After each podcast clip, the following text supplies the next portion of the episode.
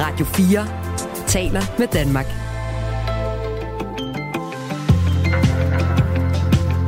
Velkommen til Radio 4 morgen. Hvor det her til morgen kommer til at handle en del om uh, seksualundervisning. Uh, det er ikke den type seksualundervisning, mange af os kender fra folkeskolen med kondomer og kosteskafter og uh, bananer, men i stedet en ny seksualundervisning.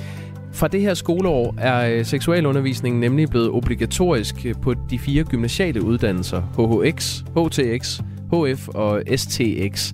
Og det sker efter stor efterspørgsel fra eleverne. Særligt sidste år, hvor øh, eleverne faktisk strækkede for at få noget mere at vide om blomsterne og bierne. Vi øh, taler både med eleverne selv, vi får også et historisk ris over seksualundervisning gennem tiderne, og så ser vi også på, hvilke udfordringer der kan være, når man skal undervise unge i det her øh, nye fag i gymnasiet. Danmarksdemokraterne har spurgt kulturministeren, om ikke det kunne være en god idé, at TV2 flytter sine gode programmer, altså God Aften Danmark og Godmorgen Danmark, væk fra København og til eksempelvis Jylland. Og dermed der genoplever Søren Jespersen fra Danmarksdemokraterne samme forslag, som han var med til at stille over for Radio 24 da han var medlem af Dansk Folkeparti. Det betød radiokanalens endeligt. Hvorfor vil han øh, decentralisere mediehus så meget? Det spørger vi ham om efter nyhederne klokken halv syv. Ja, det var faktisk det, der øh, skabte øh, muligheden for nærværende radiokanal øh, Radio 4. Vi sender fra Banegårdspladsen i Aarhus. Øh, så skal det også handle lidt om, øh, om regn og skybrud. Det er jo ikke bare irriterende, når det står nede i stænger. Det kan også være sundhedsfarligt. For når vandet stiger i kloakker og i åer, så risikerer vi at blive smittet med rottesyge, hvis man er i kontakt med vand, som rotterne har øh, mundret sig i.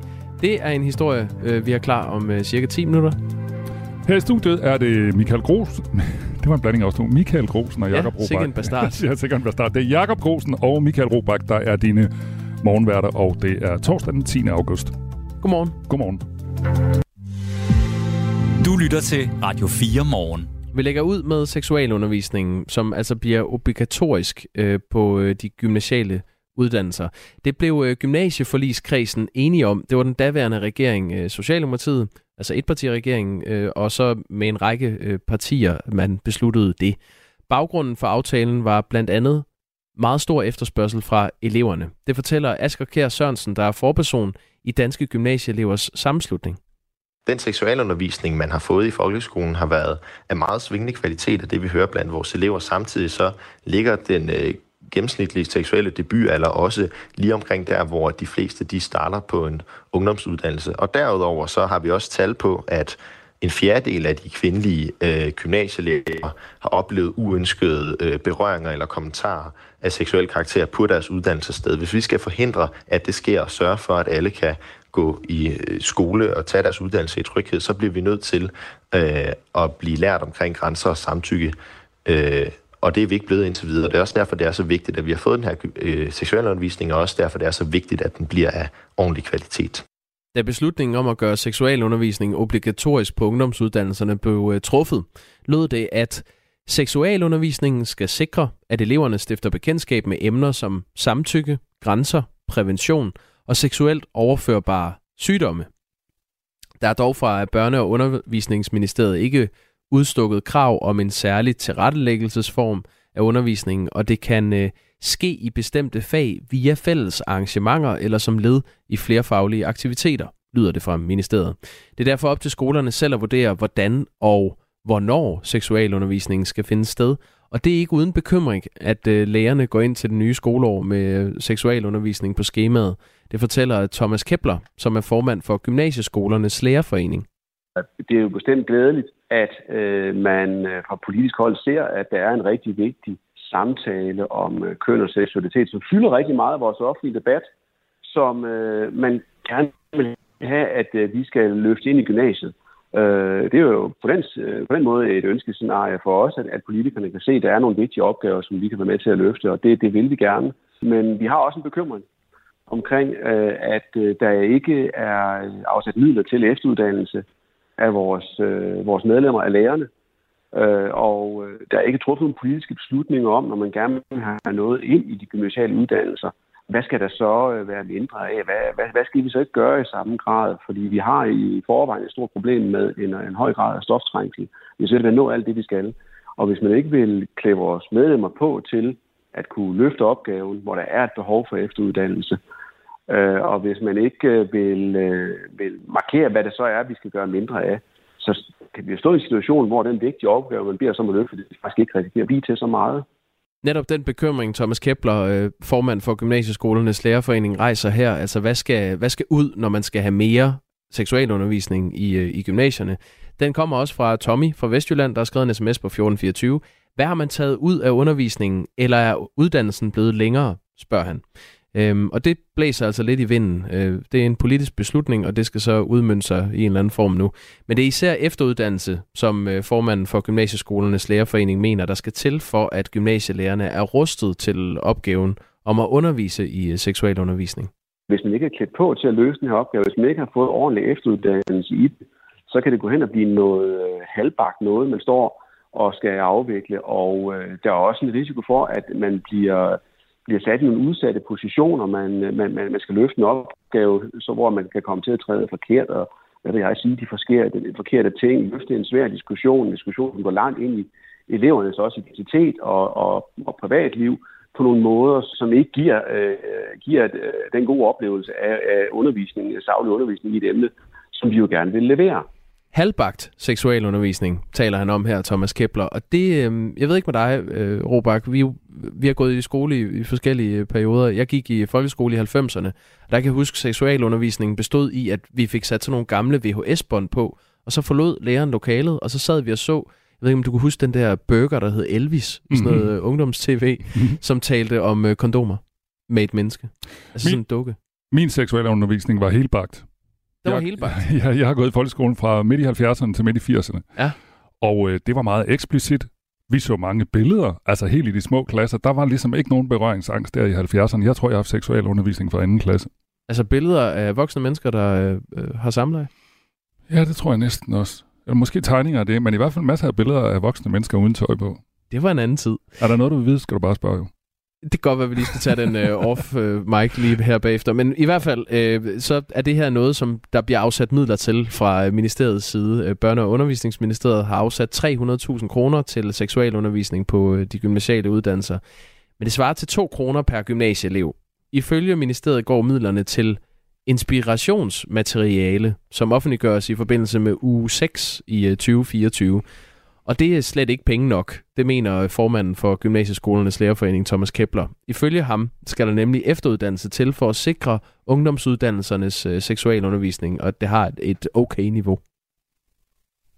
Øh, men alle de gymnasielærer, som nogle gange er uddannet og er ansat og skal løfte den her opgave fra lige om lidt, der er det jo ikke nogen løsning. Der er der altså nødt til at øh, være midler til en ordentlig, en sober, seriøs efteruddannelse.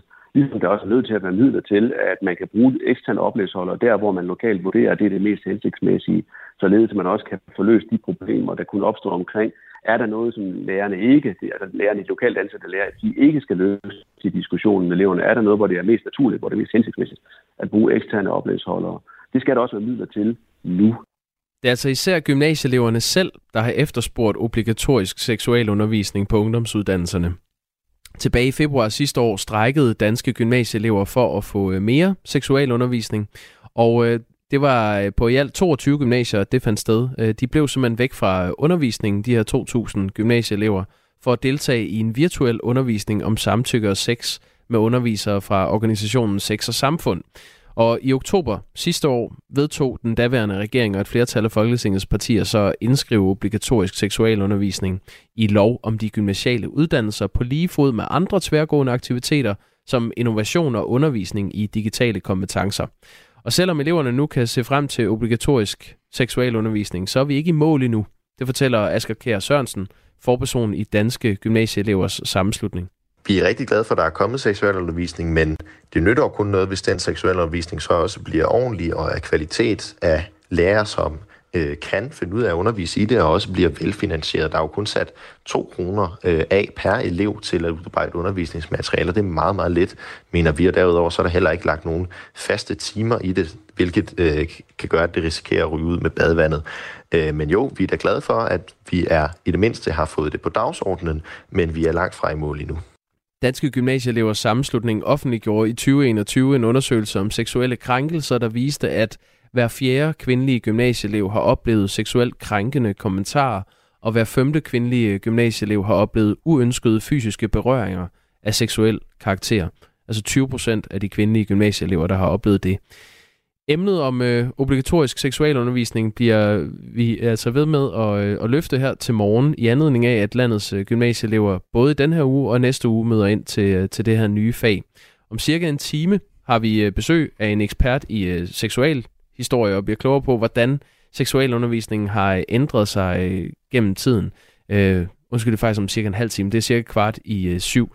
Og øh, hvis du har nogle spørgsmål knyttet til det her øh, nye initiativ, så kan du skrive ind til os på øh, 1424. Det er Michael Robach og Jakob Grosen. Hvad er sjovt, og hvad er en god joke? Man kan sgu da ikke vælte over en sutsko. Men der er sådan, jo, det kan man godt. det undersøger Torben Sangel og Anders Fjelsted, når de sammen med ugens gæst diskuterer håndværket bag comedy. For eksempel det der med det grove stof på den sofa der. Det var, altså, det var fandme rigtigt. Det var sådan en sofa, hvis man lige kom til at glide i den, så blev man lige varm. Sådan. Et kokostæppe. Ja, lige nøjagtigt. Lidt af Lyt til Comedy-kontoret i morgen kl. 13.05 Den skærpede grænsekontrol ved alle Danmarks grænser forlænges med yderligere en uge til den 17. august. Det er den seneste tids koranafbrændinger, der er baggrunden for den her beslutning. Det oplyser Justitsministeriet i en pressemeddelelse. Men den skærpede grænsekontrol vækker ikke begejstring alle steder. Henrik Jørgensen er formand for Bund Deutscher Nordschleswiger. Det er det tyske mindretals hovedorganisation i Danmark. Godmorgen. Godmorgen. Hvorfor er det et problem, at øh, man forlænger den her skærpede øh, grænsekontrol? Ja, men det giver jo masse, masse hindringer ved grænsen og, og kødannelse og folk, som skal over øh, daglig, altså grænspendler, som vi er meget, meget afhængige af i Sønderjylland, de bliver jo chikaneret der og skal holde ved grænsen og vente. Så, øhm, så for mig ser jeg det ikke, absolut ikke en succes, og for mig er det mere en, øh, ja, et, en signalværdi eller en, en, en, det er en effektiv måde at løse problemet på. Jeg ved, du mener, at man kunne bruge de her ressourcer, man nu bruger på den her grænsekontrol på, på en bedre måde. Hvad, hvad er det, du tænker der? Jamen, det er jo sådan, at øh, jeg har svært ved at tro, at en terrorist han vælger en øh, grænseovergang, hvor der er kontrol, frem for de 10 øh, overgange, hvor der ingen kontrol er. Og derfor så synes jeg, at de politifolk, det er bænket øh, nede ved ved grænsen, de kunne være mere nyttige i baglandspolitiet og, øh, og efterforske de, øh, de informationer, politiet jo får fra udlandet der i, i sådan et tilfælde. Den her skærpede grænsekontrol, den betyder blandt andet, at de rejsende kan opleve stikprøvevis grænsekontrol i forbindelse med indrejse fra Sverige, og at grænsekontrollen mod Tyskland fortsat er intensiveret i den her periode, sådan skriver Justitsministeriet. Du var lige øh, lidt inde på det, øh, Henrik øh, Jørgensen.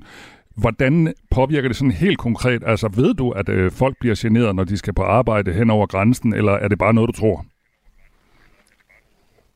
Nej, men altså, vi havde jo sidste lørdag, havde vi jo i hvert fald, øh, jeg tror, en halv time ventetid ved grænsen, øh, fordi folk ikke kunne komme over, fordi det var kødannelse.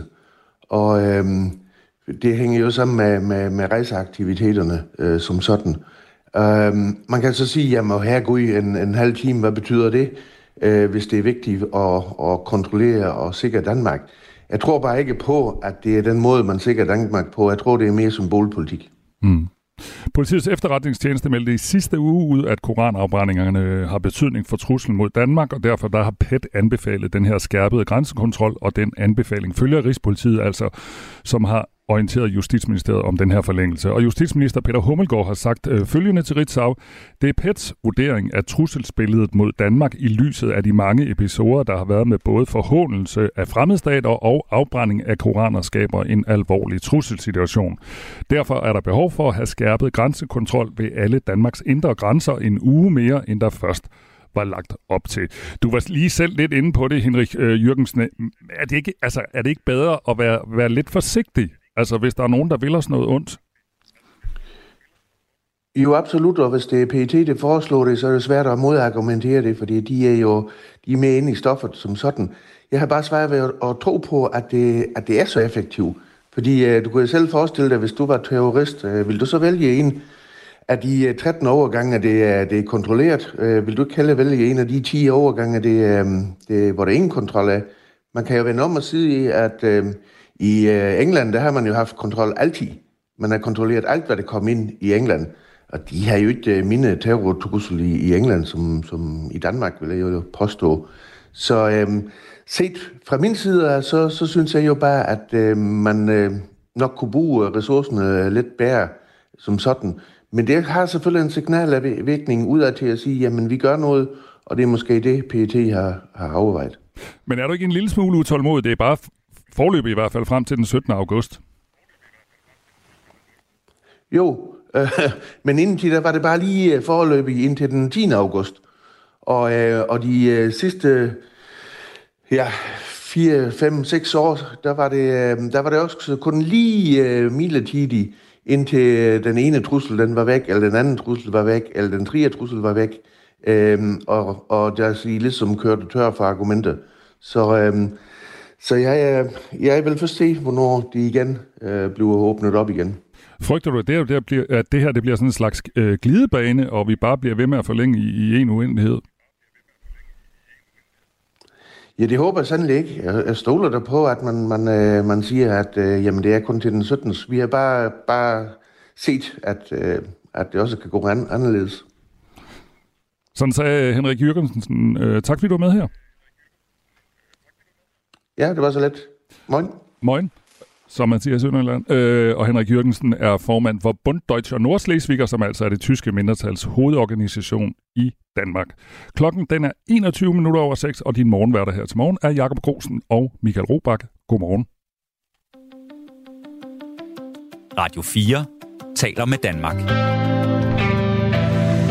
Hvor er det irriterende, når det regner meget, regn og skybrud. Øhm, det kan faktisk også være direkte sundhedsfarligt, fordi vandet, der stiger i kloakker og åer, øh, fører med sig, at øh, vi kan blive øh, smittet med rottesyge. Sådan lyder advarslen fra Mette Møller Nielsen, der er chef for arbejdsmiljø, byggeri i Dansk Industri. Det er jo sådan, at når rotter er i vand, ja, så tisser de også, og i deres urin, så er der altså noget sygdom, som kan bevæge sig over til os andre. En vejlsyge.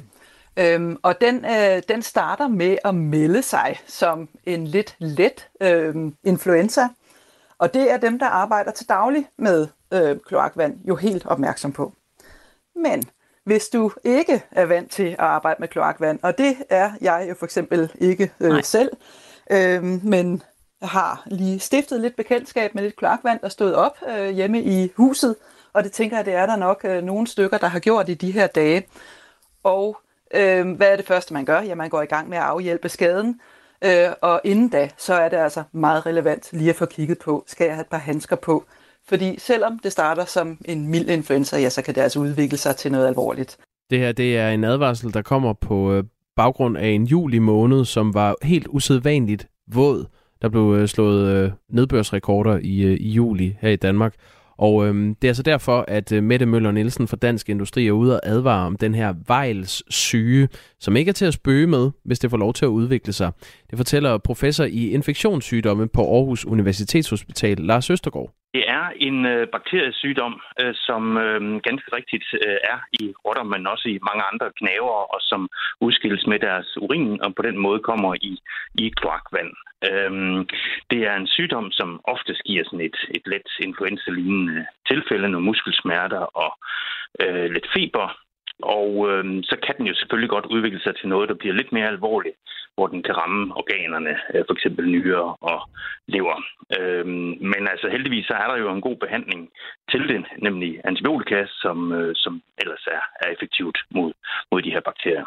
Så nu, hvor vi oplever øh, mere ustadigt sommervejr, så er det altså vigtigt at tage sine forholdsregler, hvis der står kloakvand op ad resten på øh, Villavejen. Det er sådan, at øh, bakterien kan komme ind igennem huden via øh, små rifter og sår, som måske ikke lige er, er synlige, og så kan man jo også få det på fingrene og komme til at og måske endda sluge noget af altså noget vand, når man ikke er vant til at, at arbejde i det. Øh, så det bedste er sådan set noget, noget godt øh, øh, tøj, altså beskyttelsestøj, for eksempel nogle gode gummistøvler, øh, noget regntøj, som man så ellers skal betragte som værende beskidt, når man tager det af igen. Øh, og så tager man et, et godt og grundigt bad og sikrer også, at man ikke øh, får noget på, på fingrene, som man senere kan, kan putte i munden. Det, det er sådan den bedste måde at, at beskytte sig mod at, at få bakterien ind i kroppen på. Ifølge professor Lars Østergaard ser man op til 50 tilfælde om året, altså af Vejls syge øh, i Danmark. Så øh, det er særligt udbredt under våde somre.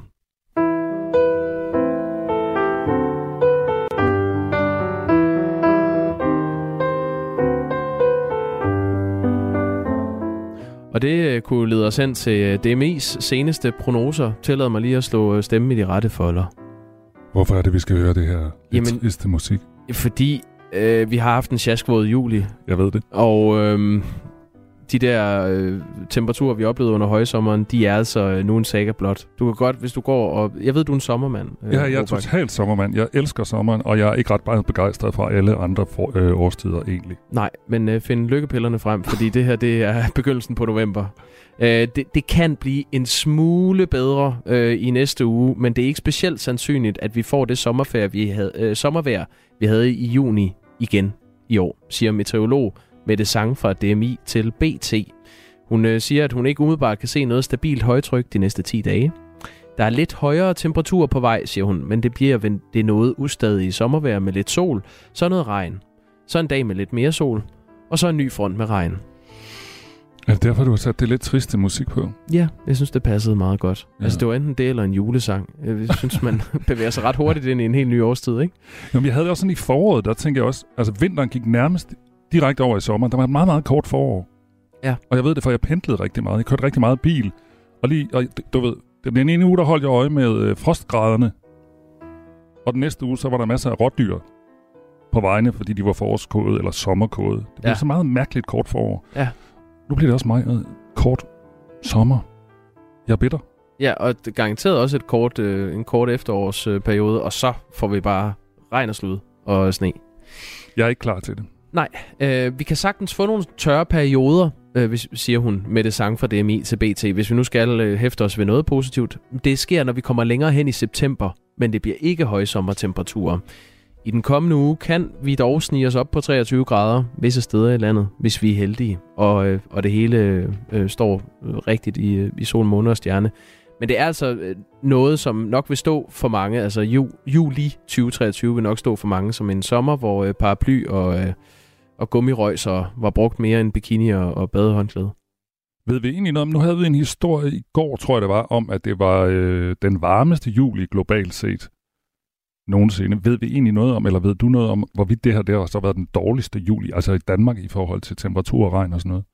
Melder historien noget om det? Nej, men øh, på landsplan blev det til øh, 140,8 mm nedbør i alt i juli, og det er både ny øh, nedbørrekord for juli måned, og mere end det dobbelte af, hvad der normalt falder i juli. Så øh, altså, regnmæssigt har vi da slået alle rekorder. Nå. Ja. Skal vi ikke øh, lukke den der? Det gør vi. To minutter i halv syv. Det her er Radio 4 morgen. Vi sætter fokus på seksualundervisning her til morgen. Øh, det gør vi, fordi at øh, de gymnasiale øh, uddannelser skal til at have obligatorisk seksualundervisning, og det har de selv bedt om. Eleverne de har strækket lige frem sidste Ja. år Mm. for at få det her seksualundervisning. Så det er noget, vi, vi sætter fokus på, også fordi gymnasierne starter enten i den her uge eller i næste uge. Vi har faktisk allerede fået en sms fra Elisabeth, der lige gør os opmærksom på, at i Roskilde, der er man altså startet.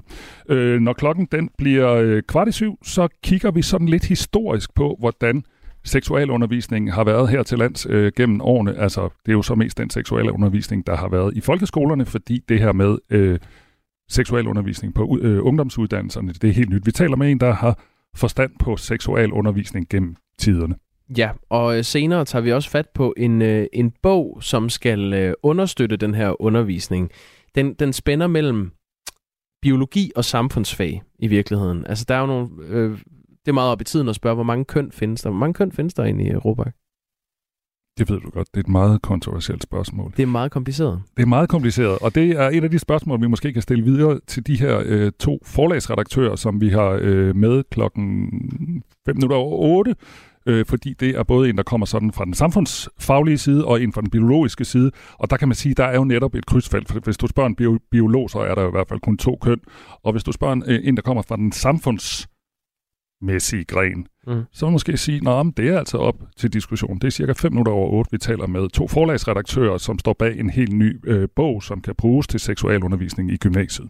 Vi har jo øh, på dansk kun ordet køn, hvor man på engelsk har sex og gender, og der kan man skelne mellem den biologiske og den mere identitetsmæssige øh, forståelse af køn.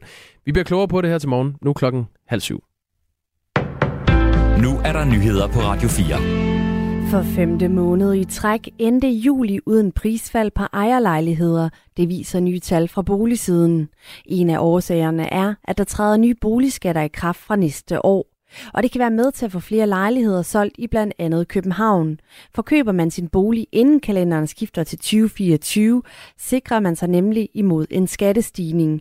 I de dyreste områder i Danmark vil det betyde en skatterabat. Det forklarer Mathias Stollerup Sprogel, som er seniorøkonom i Sydbank. Vi ser, at, øh, at ejerlejlighedspriser i øh, eksempelvis i København, øh, som er øh, en del af det dyre del af, af, af i Danmark, er steget lidt mere end det generelle marked øh, de seneste par måneder. Og, og det er nok fordi, at der er nogle danskere, der øh, fremrykker deres købsbeslutning eller accepterer et lidt lavere afslag end, end tidligere for at få fingre i, i lejligheden før årsskiftet, hvor ejerlejligheden står til at skulle øh, stige en del i, i boligskat i København. Kun for de boligejere, der fremover køber en bolig i landets dyreste områder, vil det blive dyrere. Men kigger man frem til efterårsskiftet, mener Mathias Stollerup Sprogel derimod, at prisstigningerne i de dyreste områder vil aftage.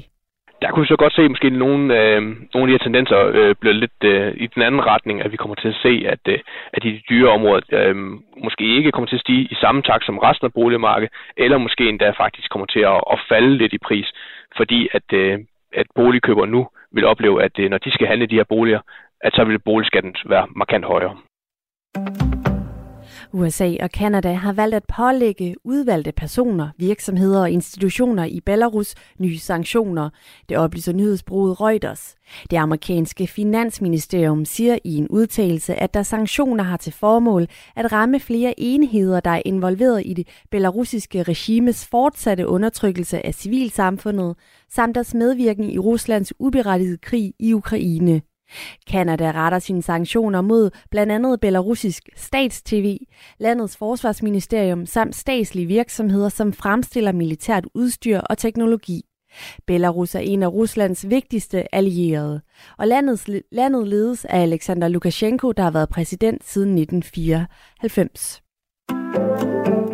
Det amerikanske rumfartsagentur NASA har offentliggjort konklusionerne af et studie af planeten Mars. Det skriver nyhedsbruget AFP. Studierne af planeten, der ligger 54,6 km fra jorden, viser, at Mars engang har haft et klima med både tørre og fugtige årstider, og at planeten i samme periode havde de rigtige betingelser for liv. Rusland hævder, at NATO er i gang med at forberede sig på scenarier, hvor alliancen kan bruge atomvåben, og specifikt scenarier, hvor den kan bruge våbne mod Rusland. Til det russiske nyhedsbureau TASS siger viceforsvarsminister med ansvar for udenrigsanlægner Mikhail Galutshin, at NATO øver sig i såkaldte fælles nukleare missioner. Det betyder, at ikke-nukleare medlemsstater er involveret i den militære planlægning af brug af atomvåben, og at deres eksperter er oplært i at bruge amerikanske atomvåben. I øvrigt skal alliancens øvelser planlægge scenarier, hvis hvor des atomvåben bliver brugt mod vores land, siger han til TASS. USA har gentagende gange understreget, at den ikke har behov for at demonstrere sine egne nukleare evner over for Rusland, og at landet ikke ser nogen umiddelbare tegn på, at Rusland har planer om at benytte atomvåben. I dag der bliver det mest skyet med enkle lette byer, men efterhånden så klarer det op med tørt vejr og lidt sol flere steder. Temperaturen kommer til at ligge mellem 15 og 19 grader, og der kommer en jævn til hård vind fra vest, som langsomt aftager og bliver lidt til frisk. Du lytter til Radio 4 morgen. Husk, du kan skrive en sms til os på 1424. September bliver sind i september bliver vejret sindssygt godt. Det kan jeg mærke. Husk, det var mig, der sagde det, når vi når september og tænker, hold da op, vejret er godt. Så skriver Jonas til os fra Birkerød. Så det, den sms glemmer vi, øh, gemmer vi, Jonas, og så bliver du hængt op på det. Ja, det må, det må så være øh, aftalen, og hvis vi skal give øh, Jonas æren for godt vejr i september, så må vi også ringe og øh, save dig midt over et kritisk interview, øh, Jonas, hvis det nu ikke finder sted. Men tak for og det gode humør. Ja, og grund til, at øh, Jonas har skrevet den her sms, det var jo fordi, at du gav os en øh, lille langtidsprognose før øh, nyhederne, og det så lidt skidt ud. Ja. Sommeren er ikke på vej tilbage. Nej, det er slut med det. Øh, godt, det er jo en budbring om, at man kan deltage i øh, det, vi beskæftiger os med her i programmet på øh, 1424. Nu skal vi tale med øh, Søren Espersen øh, fra Danmarks øh, Demokraterne. Du lytter til Radio 4 morgen. Hvad med, om TV2 flyttede Godmorgen Danmark og God Aften Live væk fra hovedstaden og måske til Jylland i stedet? Det er et forslag, som øh, Søren Espersen har sendt i retning af kulturminister Jakob Engel Schmidt. Helt konkret spørger øh, Danmarksdemokraternes øh, Søren Espersen i et paragraf 20 spørgsmål til ministeren. Hvad er ministerens holdning til, at TV2 altid sender deres god programmer fra hovedstaden, aktuelt fra Tivoli og tidligere Københavns Hovedbanegård? Og mener ministeren, at TV2 burde ryste posen og finde en lokalitet i for eksempel Jylland, hvorfra der kunne sendes? Det her øh, spørgsmål, eller forslag om man vil, øh, vækker stærke minder om det krav Dansk Folkeparti med blandt andre Søren Espersen som medlem tidligere havde over for hedengangene Radio 24 som skulle flytte 110 km væk fra hovedstaden. Det krav og den beslutning blev radiokanalens endeligt, og i stedet opstod så den nærværende øh, radiokanal, du nu lytter til, Radio 4. Søren Espersen, velkommen til Radio Ja. 4. Jo, tak. tak, tak. Kulturoverfører for Danmarksdemokraterne. Lad os lige starte med at høre dig, hvad problemet er ved, at TV2 sender øh, Godmorgen Danmark og Godaften Live fra København. Men det er jo det visuelle i, at man siger, øh, tænker altid, når man ser øh, landsdækkende tv, så tænker man København, København, København. Og vi vil gerne i Danmarksdemokraterne tænke provinsen, provinsen, provinsen. Fordi der er masser af ting, der kan flyttes ud med, med, med, med, med, stor, øh, med stor grund, øh, og det betyder rigtig meget, at vi får hele nyhedsformidlingen også sendt ud. Så det er et vældig, vældig øh, spændende program, og godt program, som TV2 laver her. Jamen, hvorfor kan det ikke være ved, ved, ved Odense Å, eller i, i Legoland, eller i, i Aarhus, eller i, i, i badelandet i, i Jylland? Vi spørger ikke om, at, øh, at ministeren skal tvinge noget igennem, bestemt ikke. Men han må, vi beder om hans holdning til, at man har de samme øh, indgang til det, som vi har. Vil det sige, Søren Espersen, at det i virkeligheden handler om, hvad der er i baggrunden, når øh, studieværterne og gæsterne sidder og sender Godmorgen øh, Danmark eller God Aften Live? Ja, men det er jo det, der sker nu. Så grunden til, at TV2 har flyttet to kilometer ned ad vejen til, til Tivoli, øh, og så er der, det er på grund af det visuelle. Man vil gerne have en baggrund, som er, er spændende og interessant, og det er Tivoli. Men der er, der er bare andre øh, punkter i Danmark også, hvor det kan lade sig gøre på samme måde. Så du, så, så du mener, ja. hvis, hvis det skulle flyttes til, til, væk fra København, så skulle det også være med et krav om, at man skulle kunne se noget i baggrunden, der var i provinsen? Ingen krav. Altså TV2 øh, gør præcis, som de vil. Det gør Danmarks Radio i øvrigt også, når de flytter ind til Industriens Hus på, på Rådhuspladsen. I øvrigt lige ved siden af, af Tivoli, hvor TV2 så sender. Men det må de selv om. De, de må gøre det, de vil. Vi vil gerne påvirke det i en retning, hvor vi siger, prøv lige at høre, prøv lige at tænke lidt større end bare lige, at vi kører lige til Københavns centrum. Prøv at finde nogle spændende øh, by øh, et eller andet sted i, i det danske sommerland. Har, har det været en, øh, en god beslutning for dig at se, at øh, DR for eksempel sender vejret fra øh, dokken i Aarhus? Nå, jamen det er da fint. Det er hver gang det sker, så, så bliver man jo glad for det. Og, og som sagt, har øh, TV2 har jo også gode programmer. Øh, det er ikke noget med det at gøre. Det er simpelthen meget et forsøg på at tænke anderledes, tænke ud af boksen, som man siger. Og det er det, vi opfordrer til. Når vi så beder ministeren om at, om at, at meddele sin egen holdning til det, så er det interessant for os for at høre, mener han, det er en god idé, øh, at øh, alting det bare bliver københavnificeret? Eller synes han også, at det vil være udmærket med noget luftforandring? Det tror jeg, at han gør på en eller anden måde. Helt lavpraktisk er der også noget med, hvor er øh, gæsterne? Øh, mange af de gæster, de har i God Aften øh, programmerne og i God Morgen Danmark i øvrigt, øh, er jo øh, i København. Hvordan vil du få de gæster til, øh, til Esbjerg? Nej, men altså det øh, kan de så måske tænke sig at få et andet klientel. Altså simpelthen, hvor man siger, så er det ikke lige præcis de samme folk, man interviewer igen og igen, men man også finder nogle spændende folk i provinsen. De er altså også i Aarhus, de er altså også i Esbjerg og Odense og Aalborg. Det er bare ligesom om de store tv-kanaler har glemt det. Ja, men politikerne er for eksempel i København. Nå, jamen, så må vi jo tage dagen, hvor det er. At det sker også er til, at, øh, at jeg er på vej et eller andet sted hen, øh, og tager, tager i et studie et eller andet sted, øh, som ikke lige er København, og det er også, at mange af mine kolleger gør. Altså, jeg tror godt nok, det skal, det skal nok være så gøre at fylde øh, sendefladen med meget spændende personer, som man gør nu, men bare med en anden baggrund, en anden øh, visualisering. Du har fået en sms her fra Iben, der skriver, skal vi også flytte Folketinget til for eksempel Esbjerg? Nej, skal vi ikke. Hvorfor ikke? Fordi øh, netop sådan hele centraladministrationen, det hører jo hovedstaden til. Mm. Det er vi fuldstændig opmærksom på. Højesteret kan vi, kan vi heller ikke flytte til Grenå. Altså, der er nogle centrale ting i, i vores administration, øh, der gør, at øh, de, de, de tre magter i Danmark, at de har selvfølgelig til huse i, øh, i hovedstaden. Men derfor, derfor det man ikke sagt, at vi ikke kan flytte andre ting ud øh, i stor stil. Det kan man også gøre inden for centraladministration, hvis man bare leder efter det. Tidligere har Dansk Folkeparti stået i spidsen øh, for et krav om, at den statsfinansierede radiokanal Radio 24 skulle flyttes til Jylland, hvis den ville byde ind på, øh, på FM4-båndet, øh, som Radio 4 så jo så endte med at få. Det var et krav og en efterfølgende vedtaget beslutning, som i sidste ende førte til, at radioen Radio 24 måtte lukke i 2019. De var nemlig ikke interesseret i at flytte. Øh, det var 70 procent af kanalens redaktion, som skulle flyttes mindst 110 km væk fra hovedstaden.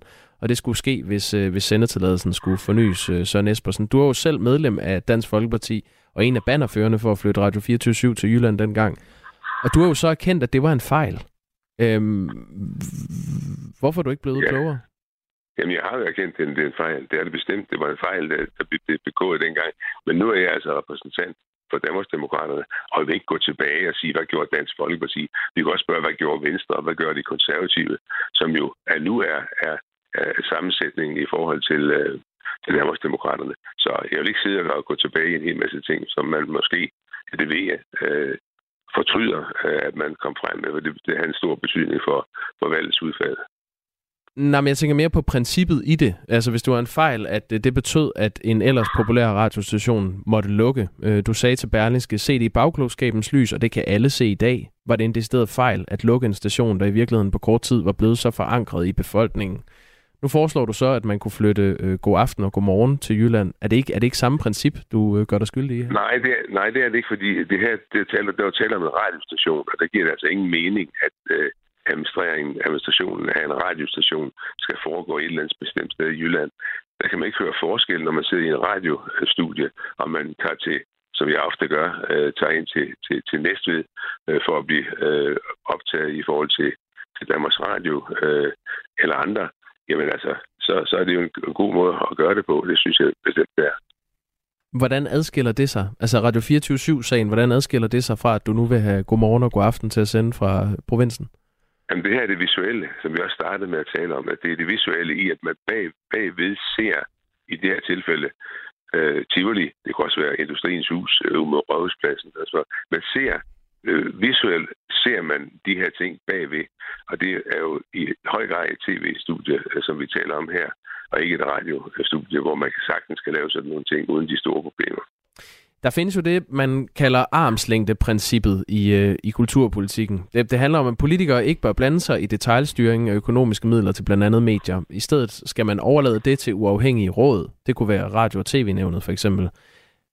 Er du inde og lege med armslængdeprincippet her? Altså hvis det bliver, du lægger op til en, en eller anden form for politisk beslutning om at flytte god programmerne til, til Jylland? Nej, altså jeg vil jo sige, Øh, armslængdeprincippet har ikke noget med det her at gøre. Jeg, som politiker blander jeg mig i alt, hvad, hvad jeg synes, der er interessant. I det her tilfælde har vi fået en mail fra en af Danmarksdemokraternes vælgere, der spurgte, hvordan er det egentlig, hvorfor er egentlig årsagen til, at TV2 gør det og det, og det er så taget op til et spørgsmål. Det er ikke noget med armslængdeprincippet at gøre. Øh, armslængdeprincippet, det er, at man dikterer øh, fra for eksempel fra regeringen øh, nogle, nogle ting, øh, som andre øh, egentlig skulle beslutte. Men det er ikke det, vi taler om her. Hvorfor lader du ikke radio- og tv-nævnet komme med sådan et forslag der i stedet? Radio- og tv-nævnet? Jamen, jeg, jeg, jeg, vi, vi spørger i vores naivitet øh, i det her spørgsmål til kulturministeren, øh, hvordan er det egentlig, det hænger sammen? Hvorfor øh, flytter TV2 øh, to kilometer ned ad vejen fra, fra Tejleholmen, hvor de er, og så ind til byen, øh, for så at, at, at sidde der i forhold til Tivoli? det er et ganske almindeligt spørgsmål, sådan lidt, øh, øh, ja, naivistisk spørgsmål. Hvorfor er det egentlig, som det er? Og der, der, der ved jeg, at den vælger, som havde sendt det her ind til os på mail, øh, tænkte meget på, at vi skulle, have, vi skulle tænke provinsen, vi skulle tænke provinsen, og det er så det, vi også gør her. Det er ikke spor med tænkte princippet at gøre. Men det er jo TV2's beslutning, og du stiller spørgsmålet til kulturministeren. Nå ja, men jeg beder om hans holdning.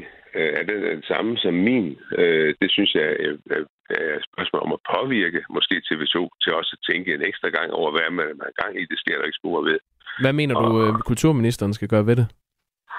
Nej, men bare det, at jeg stiller spørgsmålet, og det hele, hele den diskussion kommer op, at vi sidder her og taler, du og jeg, sammen om det, det er jo med til at påvirke forhåbentlig TV2 til at tænke i en anden retning. Kunne man finde nogle spændende øh, steder et eller andet sted i Danmark, der ikke lige præcis er hovedstaden.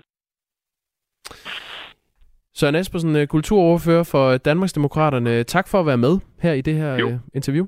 Sendt fra tak Aarhus. Ja, tak for det. det er godt. Hej, hej. hej. hej. Øh, klokken er øh, kvart i syv, og du kan blande dig i debatten på øh, 1424. Daniel har skrevet, jeg er helt enig med Søren. Synes flere ting burde flyttes væk fra København. Danmark er også Jylland og Fyn. Vende hilsen Daniel. Og Mikkel har skrevet, så fandt Danmarksdemokraterne igen noget, øh, i navlen, øh, noget i deres navle, som de forventer giver stemmer i vandkanten. Det er nemt tjente penge at være folketingsmedlem, når man tager sådan noget banalt op, siger altså Mikkel. Erik har lige skrevet, øh, få flere virksomheder til at flytte til provinsen i stedet for dette gamle emne om radio og tv til provinsen. Det er bare en øvelse i at skabe lidt populistisk opmærksomhed. Venhilsen Erik. Tak for sms'erne. 1424. Du lytter til Radio 4 morgen. Nu er det ikke længere kun elever i folkeskolen, der skal have seksualundervisning. Fra det nye skoleår er seksuallivet også på skemaet på landets gymnasiale uddannelser. For gymnasieeleverne synes ikke, det ikke, de bliver klædt godt nok på af deres undervisere, når det kommer til sexlivet. Men de ved nu nok en del mere end unge gjorde i tidligere tider. Det perspektiv dykker vi ned i nu. Mette Byrjel Thysen er museumsinspektør på Nationalmuseet. Godmorgen. Godmorgen. Du har forstand på den her slags. Lad os lige tage en uh, lille historietime først, og lad os begynde i 50'erne. Dengang der blev der lavet sådan en undersøgelse af unge kvinders seksuelle adfærd. Hvad viste den ja. om deres adfærd og deres viden om sex? Jamen, øh, den her undersøgelse dækker jo øh, 300 unge kvinder, og den kommer med sådan ret øh, mange forskellige, lidt sådan tankevækkende øh, resultater. Øh, blandt andet viser det sig, at øh, en hel del kvinder jo faktisk har øh, sex før øh, ægteskabet. Det er noget, man ikke tænker så meget over i 1950'erne.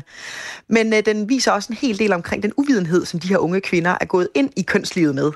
Altså, der florerer på det her tidspunkt jo ekstremt mange sådan øh, øh, myter og øh, ting, der ikke er rigtige. Altså, der er blandt andet en stor andel af de her kvinder, der tænker, at de kan blive øh, gravide af bare at, at kysse en mand, for eksempel. Så den her rapport, den, øh, den råber jo sådan virkelig øh, på behovet for, at der skal mere oplysning til i samfundet. Hvornår kom så sådan skiftet til, at vi talte mere åbent om øh, prævention for eksempel? Nu nævner du det der med at blive gravid af at kysse, og vi talte mere åbent om krop. Altså, hvor, kan man sige noget om, hvilke år er det, at vi siger, Nå, men nu kan vi godt tale om det her, og nu kan vi godt fylde lidt mere information øh, i, i hovedet på de unge mennesker? Altså man kan sige, der, der sker jo det automatisk, at da p-pillen kommer til i, i 1966, øh, der er det selvfølgelig et øh, sådan springpunkt, øh, hvor at, at øh, rigtig mange kvinder jo også opsøger det ved egen læge, men, men man kan se, at både i 60'erne øh, er der faktisk stadigvæk ikke sådan, du ved, det helt øh, store engagement på, øh, på, på skolerne. Øh, der er stadigvæk sådan ret stor øh, berøringsangst, og det er måske også med god grund. Altså vi kan se tilbage i kulturhistorien, at øh, man jo ikke øh, rigtig kunne øh, undervise, og det var også forbundet med en vis øh, sådan risiko. Altså blandt andet er der i 1937 øh, en, en lærer, der faktisk bliver fyret, fordi han er begyndt at øh, tegne forskellige ting fra, fra kønslivet på mm. tavlerne mm. og sådan noget. Det synes folk, det, det er simpelthen for meget. Så der er en berøringsangst også i 60'erne, men, men der begynder jo også at... Øh, at, at være bevægelser, der rører sig. Og øh, da vi kommer ind i 1970, øh, der er det jo så, at øh, seksualundervisning jo bliver obligatorisk, og det passer jo rigtig fint på mange måder ind også i i, i tidsånden, hvor man mener, at øh, seksualiteten skal sættes fri, og mm. der slet ikke må herske nogen øh, tabuer overhovedet i, øh, i, øh, i samfundet. Nu får du lige to perspektiver her. Øh, jeg gik i folkeskolen midt i 70'erne, og øh, der har det så været, som du sagde, så blev det obligatorisk i 1970. Og øh, da jeg var, gik i folkeskolen, der tror jeg, jeg havde seksualundervisning fra anden klasse. Det var meget eksplicit. Vi så billeder, vi så tegninger. Lærerne fortalte lige ud af posen, hvad der foregik. Og Jakob, der sidder over for mig, min øh, medvært Jakob Grosen, han havde seksualundervisning i, var det i 90'erne, Jakob? Ja, det bestod primært i, at øh, læreren kørte et øh, øh, tungt fjernsyn ind på et stativ, og så forlod læreren lokalet, og så satte vi en VHS på med burgeren Elvis, der sad og talte med et menneske om kondomer på kosteskafter og sådan noget.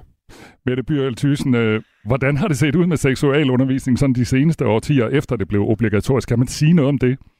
Ja, altså man kan sige, netop i 70'erne, der, jeg synes, det er ret interessant, det du siger netop med, med anden klasse. Altså herinde på Nationalmuseet har vi, øh, har vi puslespil, der har været brugt i en børnehave, altså hvor man simpelthen skal klæde en mand og en kvinde af, hvor du ved, man ligesom viser, hvad er der inde under tøjet. Altså den tror jeg heller ikke var gået i dag, for eksempel. Så, så man tror simpelthen også på i 70'erne, du ved, næsten jo, jo tidligere øh, man starter, øh, desto bedre, ikke? Og nogle af man kan sikkert også huske den her bog, sådan får man et barn, der også er ret legendarisk, der heller ikke ligger fingre imellem. Det er godt nok kun tegninger, men der får man også ligesom vide, hvad er det, der sker, når man har sex, og man mm. ser en fødsel, og den, den tror jeg også en del kan huske.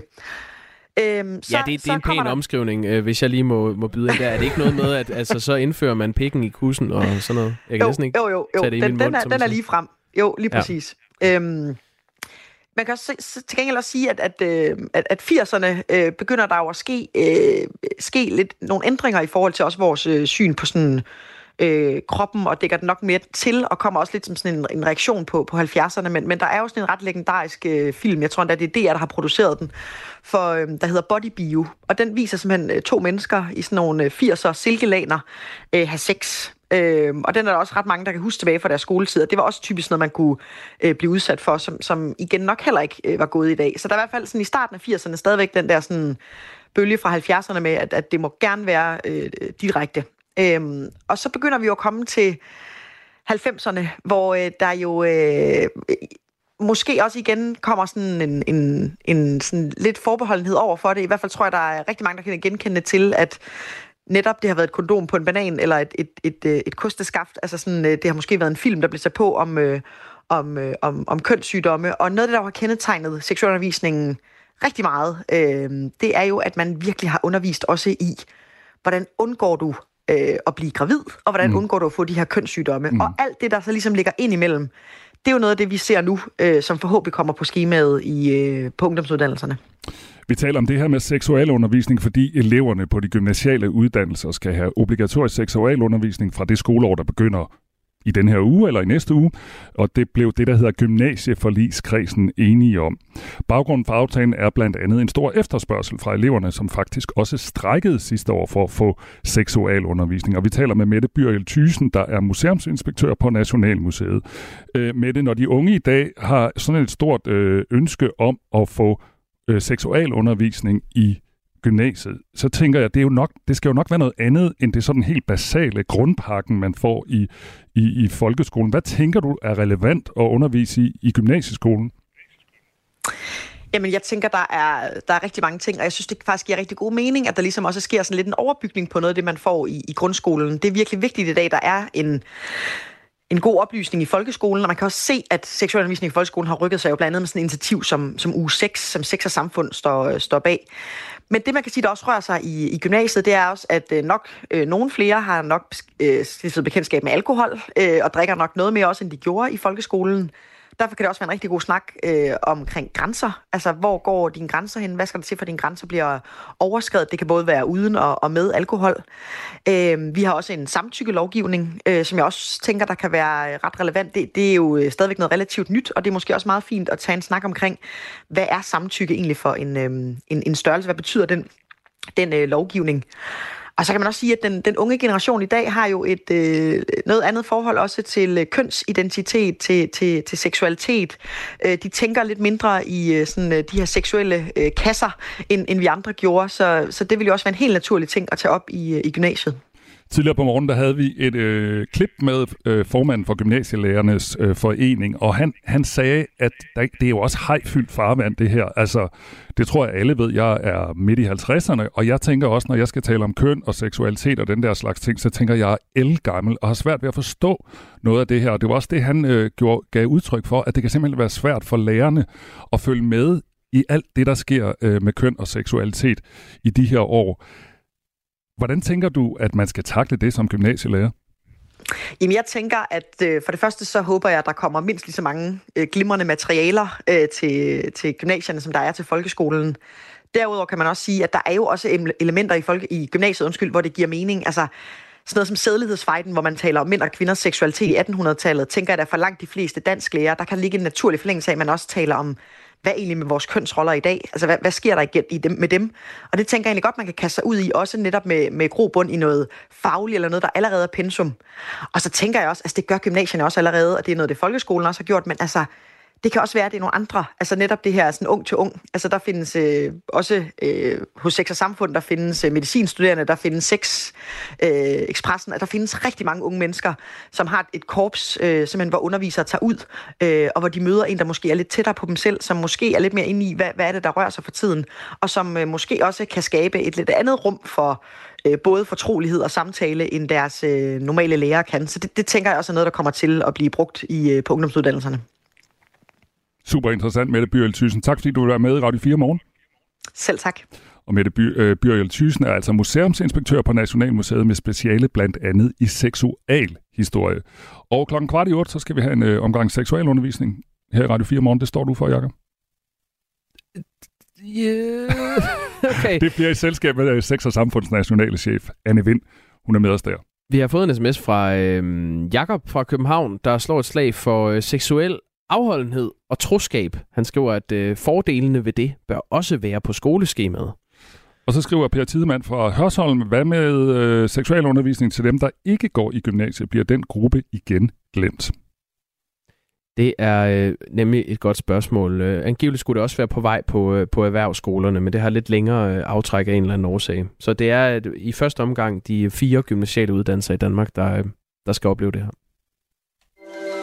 Det her er Radio 4 morgen.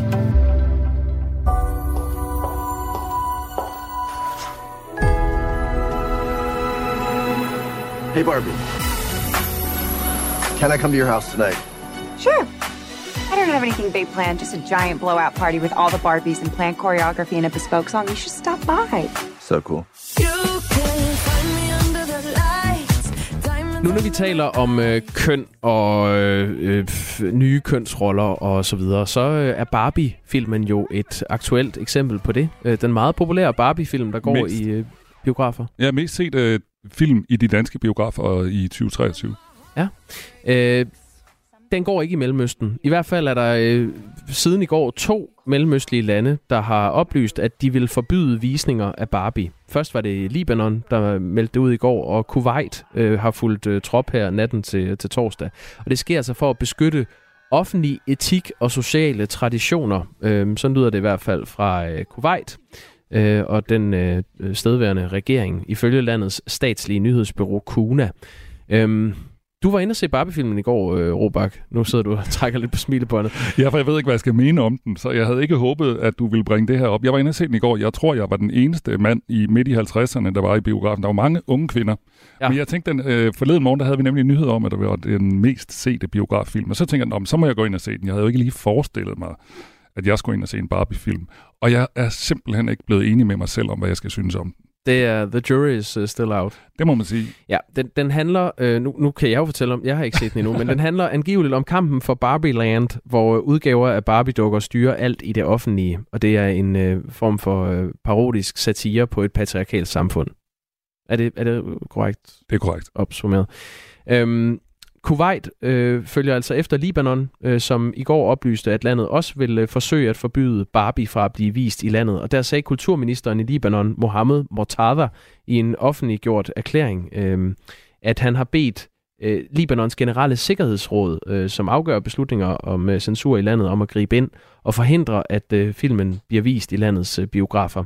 Blandt andet også fordi den ifølge kulturministeren i Libanon fremmer homoseksualitet og kønstransformering og står i kontrast til værdier som tro og etik ved at underminere vigtigheden af familien. Mm. Ja. Ja, det... Ja, skal vist være fra Kuwait, for at mene det. Ja, eller Libanon. Øhm, den har øh, på kort tid indbragt over en milliard dollar, Barbie-filmen, over 6,7 milliarder øh, kroner øh, globalt. Så jeg tror, øh, Mattel og øh, produktionsselskabet øh, bag er nok pænt ligeglade med, om øh, de bliver vist i, i Kuwait og Libanon. Men øh, det er så det seneste nye, der er sket om Barbie-filmen. Du lytter til Radio 4 morgen. Når vi er tilbage efter nyhederne, så skal det blandt andet handle om de her oversvømmelser i Norge. Jeg tror måske mange af jer har set de her tv-billeder, øh, hvor øh, campingvogne og øh, hele huse øh, flyder i en i en elv, tror jeg det hedder, op i Norge. Øh, vi skal tale med en mand, som faktisk bor i Norge. Jakob Lund Poulsen, han bor i noget, der hedder Fåberg, øh, som ligger lige uden for Lillehammer i Norge, øh, for lige at få sådan en øjenvidende beretning om, øh, hvordan det står til med vejret deroppe. Og øh, vi minder om, at du kan øh, skrive ind til os på 1424, hvis du vil øh, have lov til at give dit besøg med i det, vi øh, diskuterer. Blandt andet kunne det være seksuel øh, eller undervisning i seksualitet. Karina har skrevet, hov hov, Danmarks største sosu-skole er påbegyndt undervisning i seksualitet og ældre. Det er som end på vej, og vi hænger på, skriver Karina. Tak, tak for, for den. Tak for den sms. Nu ja. er klokken blevet syv. Nemlig. Du har lyttet til en podcast fra Radio 4. Find flere episoder i vores app, eller der, hvor du lytter til podcast.